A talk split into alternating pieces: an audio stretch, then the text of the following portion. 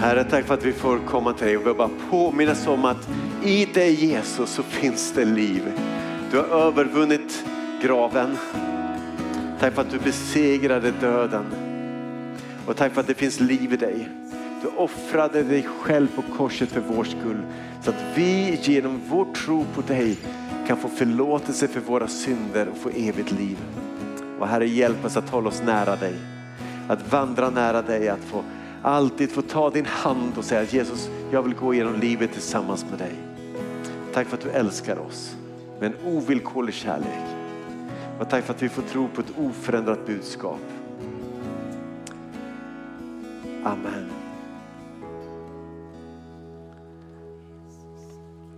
Än en gång välkommen till Immanuelskyrkan. För dig som är ny här så lite extra välkommen. Jätteroligt. Eh, vi är en församling där vi gillar nya människor. Ja, vi gillar de som har gått hit tidigare också. Men, men eh, lite extra roligt tycker vi att det är eh, när det kommer nya som hittar hit. Jättevälkommen. Vi hade igår en hel från 10 till 3 när vi läste Bibeln och vi hade undervisning om i en Immanuel bibelskola. Och jag tror att jag i min undervisning hade 68 bibelord som vi plöjde igenom. Jonas, du hade också ett gäng. Ehm, det var jätte, jätteroligt. Vi var ett 30-tal som samlades och öppnade Bibeln tillsammans och vi läste och vi tog reda på vad är den stora berättelsen i Bibeln och det var fantastiskt roligt tyckte jag. Ehm, vill man ha hjälp att läsa Bibeln har vi ett tillfälle till den 25 februari. Jag tror vi har en bild på det också. Den 25 februari så får vi besök av ett par som jobbar internationellt i Europa, reser runt väldigt mycket och hjälper nyplanterade församlingar och eh, att läsa Bibeln och upptäcka Bibeln. Och de, eh, jag vet inte hur många hundra de har fått döpa i olika flyktingläger de sista åren men Gud gör otroligt mycket och det är mycket att upptäcka Bibeln som, eh, som de jobbar med. Så den 25 så kommer de med dels på gudstjänsten och dels efteråt så kommer de att introducera hur man kan läsa Bibeln med Discovery Bible Study, vilket är jätte, jättebra. Och det är särskilt bra för smågruppsledare, säger Kim. Så då är det så. Hörrni, Herre, vi ber att du ska öppna ditt ord den här förmiddagen. Vi vet att ditt ord är levande och verksamt. Låt ditt ord få tala till våra hjärtan. Och låt det inte bara tala till oss, låt det förvandla oss. Amen. Vid ett tillfälle så sa Jesus till sina lärjungar, han sa så här, ni säger fyra månader till. Sen är det dags att skörda. Men jag säger er, säger Jesus, lyft blicken och se hur fälten redan har vitnat till skörd. Det här sa han till sina lärjungar direkt efter att han hade haft ett samtal med en kvinna vid Sykars brunn. han var där och träffade henne och insåg bara att, så att han var så uppfylld av det här mötet så när lärjungarna kom då så, och ville ge honom mat så sa jag har mat att äta som ni inte känner till. Ni skulle bara veta. Det är färd, det är människor som längtar efter Gud. Så hans uppgift där bara, jag måste få lärjungarna att lyfta blicken och se att det finns så många som längtar och som hungrar efter Jesus. Och när Jesus säger här lyft upp blicken så är det ett litet grekiskt ord som lika gärna kunde, det man använder ofta när man ska re, lyfta upp sina händer. Så lyft upp din blick eller res upp, sträck upp din blick. Att det, för det är så lätt för oss människor att alltid sänka vår blick. Har ni tänkt på det? Att vi ser det som jag har framför mig, min värld, min, min bubbla, mina saker som jag har omkring mig och så sänker vi blicken. När Gud bara längtar, men hallå, det finns mer att se. Lyft blicken, lyft blicken och se. Och många gånger så tror jag att Gud knackar på våra hjärtan och säger att ja, du säger jag, men vet du vad? Jag säger lyft blicken. Från ditt eget till att se att det finns mer och det finns en fantastisk berättelse i Andra Konungaboken kapitel 6. Där, eh, vid det här tillfället har Elisa och hans tjänare de har slagit läger i en stad och, och de vet att fienden är på väg att eh, anfalla och eh, liksom komma emot dem. Och så står det så här att på morgonen då gudsmannens tjänare kom ut så fick han se att staden var omringad av en truppstyrka med hästar och vagnar. Och den här tjänaren säger bara, ack herre, vad ska vi ta oss till? Men Elisa svarade, var inte rädd. Det är fler på vår sida än på deras. Och förmodligen så bara, den här tjänaren bara, vadå?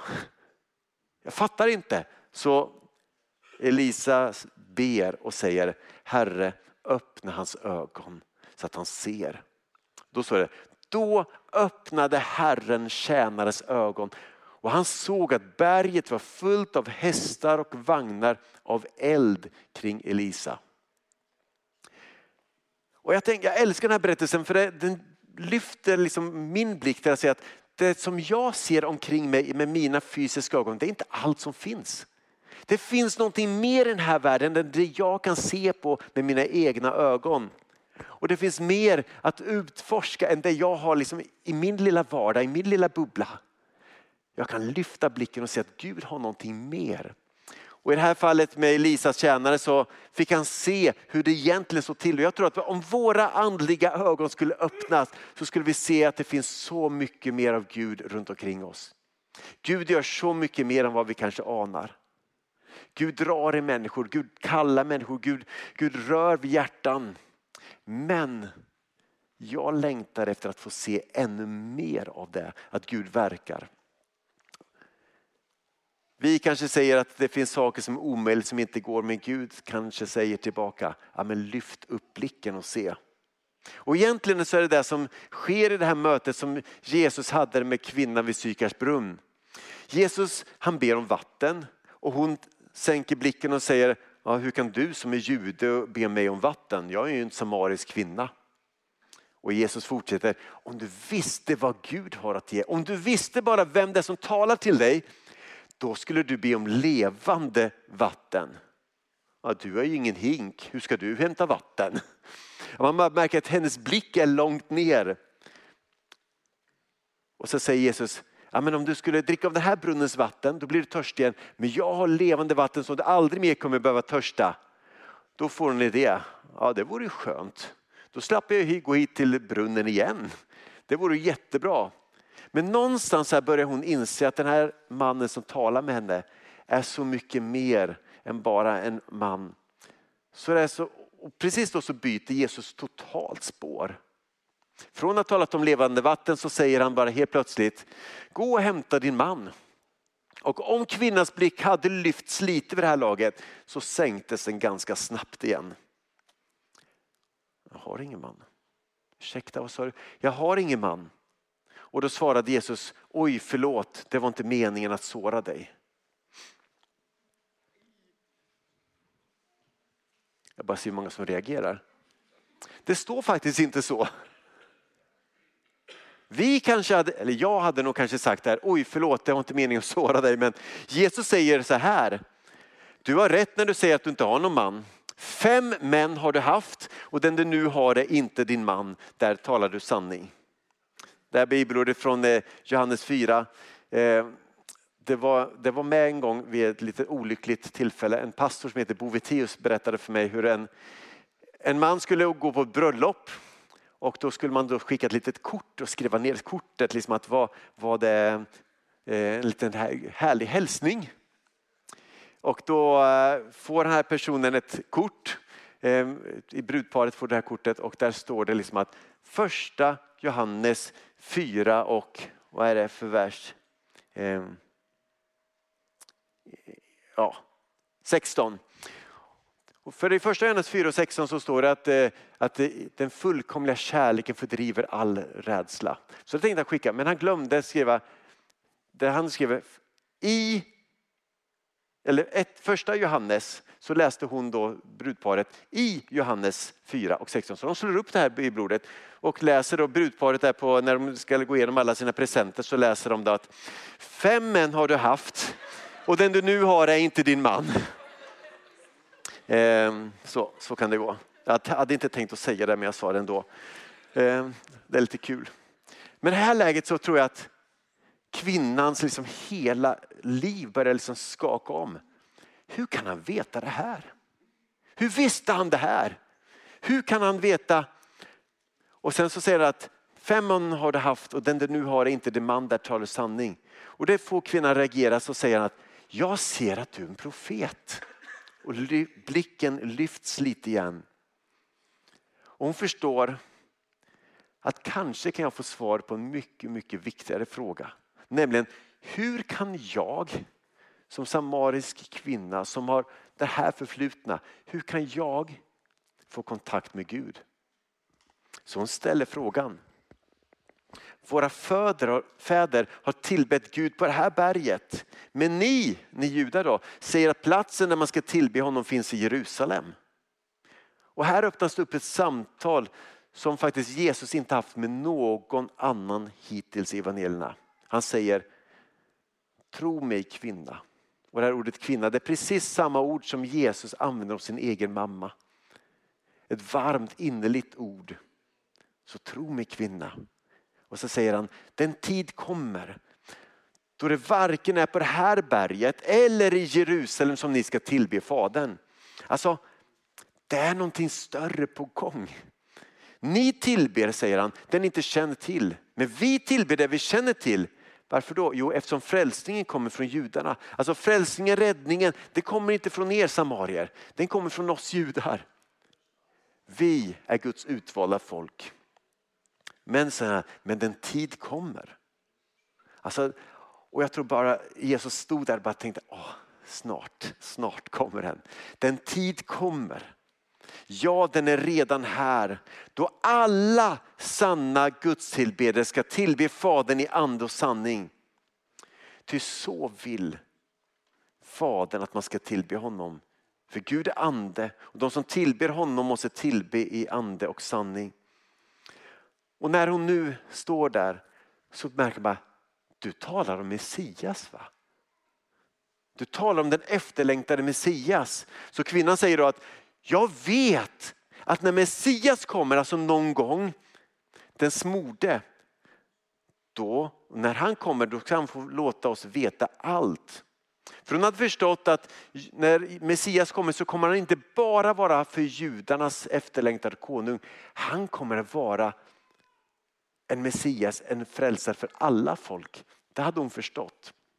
Och så säger Jesus då de här orden som är lite obegripliga. Det är första gången som man avslöjar för någon vem han är när han säger det är jag. Den som talar till dig.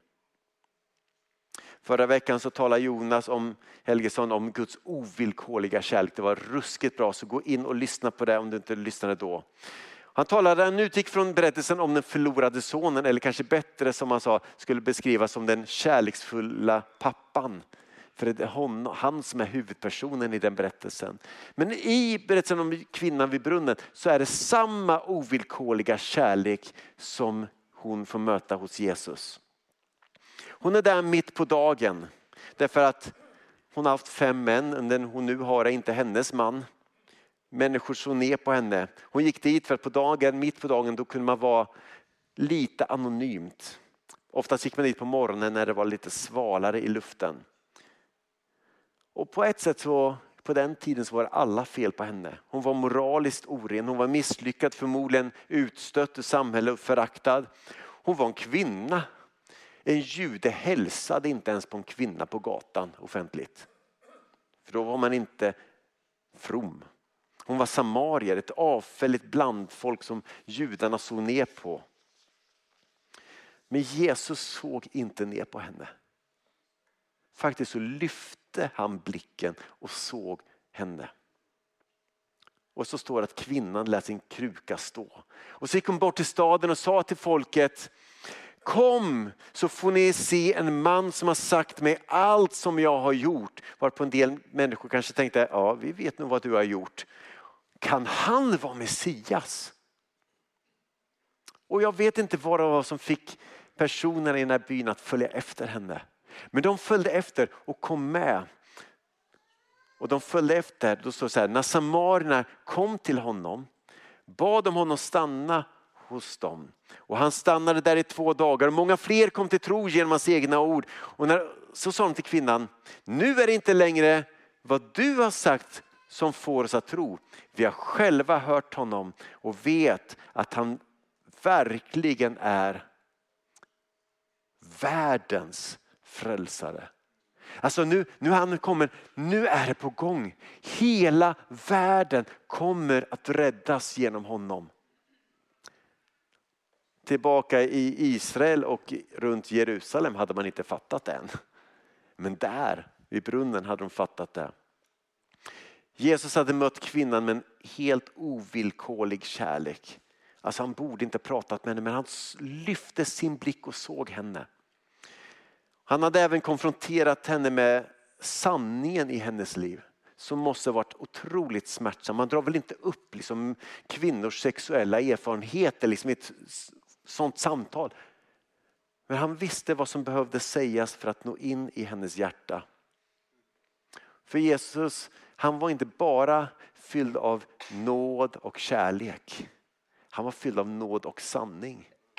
Och ibland så kan den sanningen skära in i våra liv och det kan, det kan skaka om här inne.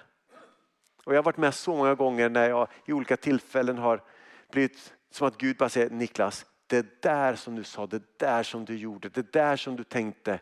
Och sen bara, ah, gode Gud förlåt. Och det är något fantastiskt att Gud faktiskt vill peka på saker i våra liv som inte är bra. Så att han kan förlåta det. Och Det här var typiskt för Jesus. Han sa inte bara det folket ville höra, han sa det folket behövde höra. Han talade både nåd och sanning. Och ibland var hans ord obekväma. Jag bara, ett sånt exempel från Matteus 16. Lyssna på de här orden. Jesus står där och han talar till folket och säger, om någon vill gå i mina spår måste han förneka sig själv, ta sitt kors och följa mig. Den som vill rädda sitt liv, ja det vill vi väl alla, han ska mista det. Men den som mister sitt liv för min och evangeliets skull, ja då är det väl kört. Nej, då ska han rädda det. Vad hjälper en människa om man hinner, vinner hela världen? Och det längtar vi efter. Men vad ska hon då köpa tillbaka sitt liv? Den som skäms för mig, säger Jesus, och mina ord i detta trolösa och syndiga släkte, honom ska också människosonen skämmas för när han kommer i sin faders härlighet med de heliga änglarna. Alltså Jesus, han backar inte för att ibland säga stötande, störande saker. Men han sa det som vi behövde höra. Även om det ibland skavde. Jesu budskap var ständigt att ständigt lyft er blicken och förstå att det är mer i livet än vad ni kan ana. Gud har en bättre plan, någonting större. Era synder, låt dem inte komma i vägen för honom, det han vill göra i ditt liv. Och vi vill gärna gå i, i hans fotspår, absolut. Men vi vill också gärna rädda våra liv och vill gärna vinna hela världen. Men kanske det är svårt. Därför behöver vi lyfta vår blick när vi vill bli omtyckta, framgångsrika och lyckade så kanske Jesus vill peka på våra misslyckanden för att vi ska kasta oss på honom och på så sätt lyckas. Kvinnan längtade efter ett möte, att få del av någonting större och där vid brunnen så fick hon det. Hon längtade efter att få del av Jesu vatten som hon aldrig mer skulle behöva gå till brunnen igen. Men i det läget så talade Jesus om något bättre vatten. Han pekar på ett större behov i varje människa. Att inte bara dricka vatten utan att få dricka av hans levande vatten, att få ta emot den helige ande. Och i Guds ord så finner vi en sann bild av oss själva. Och vi finner en sann bild av världen. Den här boken hjälper oss att lyfta blicken och se världen som den på riktigt är. Jag brukar säga att läsa Bibeln det är verklighetsterapi. Jag förstår mitt liv. Jag förstår min, liksom, min situation. Jag förstår vad Gud vill. Jag förstår vad han har tänkt. Och det var så otroligt häftigt igår när vi fick vi började i första Mosebok kapitel 1 och 1 och sen så slutade vi i, i sista kap, eh, versen i Uppenbarelseboken 22. Det var. Sen hoppade vi lite däremellan kan jag säga. Men man fick hela bilden och se att vad är, det, vad är det som är den stora berättelsen? Att Gud söker efter en brud åt sin son. Att han längtar efter att alla människor ska få upptäcka honom. Men för att människor ska upptäcka honom så behövs det ibland ett obekvämt ord in i våra liv. Och Guds ord står det är levande och verksamt. Det är skarpare än något tvegat svärd. Det tränger så djupt att det skiljer själ och ande, led och märg och det blottlägger hjärtats uppsåt och tankar. Det avslöjar mig. Därför är det ibland svårt att läsa Bibeln för att det skär in i mitt liv. Men det är levande och verksamt. När det kommer in i mitt liv eh, som ett oförändrat budskap då sker det någonting här inne.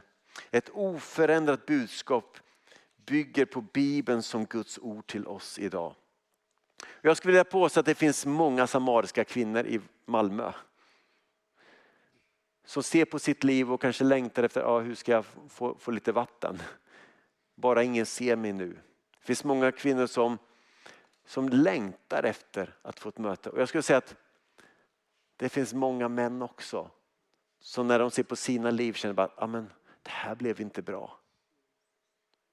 Och Gud längtar efter att få tala in i deras liv. Och där vill han använda oss. Det finns gott om personer som känner sig misslyckade, som andra ser ner på, som bär på skuld och skam. Personer som längtar efter att kan det finnas möjlighet att få lära känna Gud? Eller är det kört för mig? Kan Gud någonsin älska en sån som jag? Och innerst inne så längtar man efter någonting som släcker en mycket djupare törst än bara vatten. I mötet med Nikodemus så säger Jesus att, att Gud älskade världen så mycket att han gav den sin enda son. Så att alla de som tror på honom inte ska gå under utan ha evigt liv. Och sen fortsätter han. För Gud sände inte sin son till världen för att döma världen. Nej, varför då? Utan för att världen skulle räddas genom honom. Korset handlar ytterst om det. Det där som Gud själv tar på sig världens synd och säger att det spelar ingen roll vad du har gått igenom, hur många män du har haft, det spelar ingen roll vad du har gjort. Det finns förlåtelse. Och viktigare än så, det finns levande vatten att få dricka av. Det finns ett levande hopp. Det finns evigt liv att få del av. Om du bara kommer till mig. Och korset handlar om det. Korset handlar inte om att några kan nå upp till standarden och några kommer misslyckas. Korset visar på att alla vi har syndat och gått miste om härligheten från Gud. Och utan att ha förtjänat det så blir vi rättfärdiga. Jesaja han uttrycker det så här istället. Herrens arm den är inte för svag för att rädda. Nej. Hans öra är inte för dövt att höra. Nej, det är era synder som skiljer er från Gud. Era brott får honom att vända sig bort och inte höra. Era händer är fulla, är fläckade med blod och era fingrar av synd. Era läppar uttalar lögner, på era tungor finns svek. Och sen så kommer en berättelse i Jesaja om hur, men, men jag vill förlåta. Budskapet om Jesus, att han har tagit straffet för din och min synd är ett budskap som måste få höras. Och när Paulus skulle resa till, till Rom, den här stora metropolen, då, då, då sa han att skicka ett brev innan och i det så säger han att vet ni vad, bara så om ni undrar, jag skäms inte för evangeliet. För en Guds kraft som kan rädda var och en som tror. Bibeln ger oss en sann bild om oss själva och det ger oss en sann bild av Gud. och Det ger oss en sann bild av den här världen. Och i Bibeln så finns det ett budskap som vi måste ha oförändrat. Ett budskap att det är Gud som är världens skapare. Ett budskap om att vi alla människor har syndat och gått miste om härligheten från Gud. Ett budskap om att trots det så älskar Gud oss. Ett budskap om att Jesus dog på korset för att kunna Förlåt oss våra synder och ge oss evigt liv. Ett budskap om att Gud sen vill komma med sin heliga ande och flytta in i våra liv. Och Det ska bli som en källa här inne av levande vatten som aldrig sinar. Och ett budskap om att Jesus en dag kommer tillbaka. Och då kommer han ställa allting till rätta och ondskan ska få sitt rätta straff. Det budskapet behöver höras. Och vi behöver lyfta blicken och se att det finns så mycket mer än vad våra ögon kan ana och, och tänka.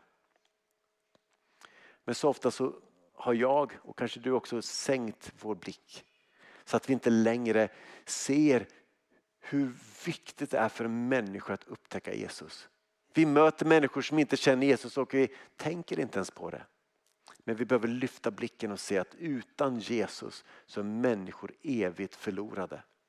Och om vi skulle kunna lyfta blicken och se på riktigt det Gud ser, då skulle vi nog gråta som han grät. Över hur det ser ut. För det finns så många som ännu inte känner honom. Om våra ögon skulle kunna öppnas, om vi förstod vad som var viktigt i livet, då skulle vi inse att det viktigaste jag kan göra det är inte att försöka vinna mitt eget liv.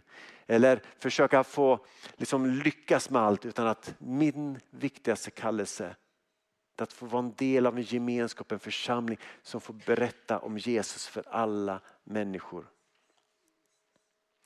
Vi behöver lyfta blicken och se hur fälten redan vitnat till skörd. Och Gud sitter inte som ni var här förra söndagen. Gud sitter inte med armarna i kors uppe i himlen. Han har kommit hit på jorden och erbjuder oss en famn att komma in i. Och det är så stor förmån att få se människor som varje vecka får öppnade ögon. Som förstår vad Jesus har gjort på korset och han bar våra synder på sig. Det är så stor förmån att få del av en församling där, där Jesu ovillkorliga kärlek och där ett oförändrat budskap får förkunnas. Att vi får visa på vem han är. Det är en stor förmån att få 45 på Alfa. Jag säger bara wow. Av dem så är drygt 10 tonåringar. Det är en stor förmån att ha, få, ha 40 barn på Boost på fredagar. Det är en stor förmån att få ha en, ett, en växande grupp av ungdomar på, på Glorious. Det är en förmån att få ha en stor grupp med människor från Iran och Afghanistan och från andra länder i vår församling. Det är en förmån. Det är en stor förmån att få vara en församling där människor kontinuerligt får lära känna Gud. Det är en förmån att få gå i hans fotspår. Att förneka oss själva och ta på oss hans kors. Det är en förmån.